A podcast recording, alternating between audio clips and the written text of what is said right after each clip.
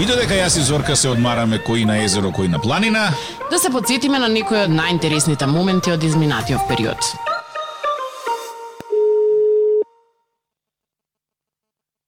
Молим, Ало, Дарко, добро утро. добро утро. Кај си цело сабајле те барам.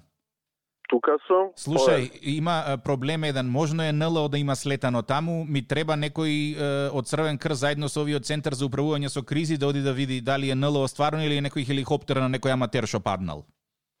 аж каде тоа? Еми, од кај Крива Паланка према Бугарија, кога одиш на границата, горе на брдото од десна страна, кај тој швалерајскиот мотел. Мгм. Нешто летало, летало нешто ко, ко Чинија, некоја и паднало и сега не знаеме што е, дали е хеликоптер, дали е НЛО некој. Овие од војскава не знаат да кажат, од полицијава ништо не виделе на радар, а тука двајца се јавуваат, велит нешто големо е паднато. Големо. Да. Кога падна? Еми кога паднало ноќеска, не знам. Ја исклучен ми беше телефонот цела ноќ, оти на карантини, сега кога видов 20 пропуштени повици и 17 пораки.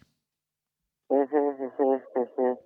Што то, А- пошто ти си тој одборот за катастрофи, то катастрофа валјда е.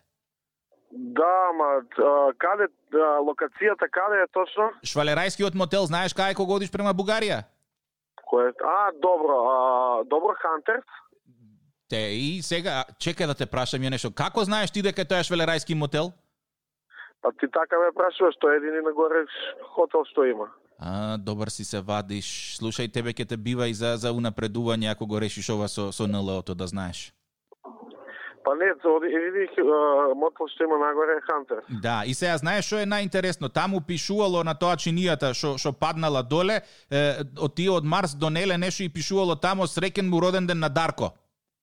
А, фала му, нека му биде. Дарка, среќен роден ден. Та збуневме малку по сабајлечки. да, да, гледам, да. Се надевам нема НЛО, нема ништо такво, ама честитка има. Тик так и Зорка од Радио 2, друже, среќен роден ден, честиткава ти од Бобан. Фала, благодариме многу.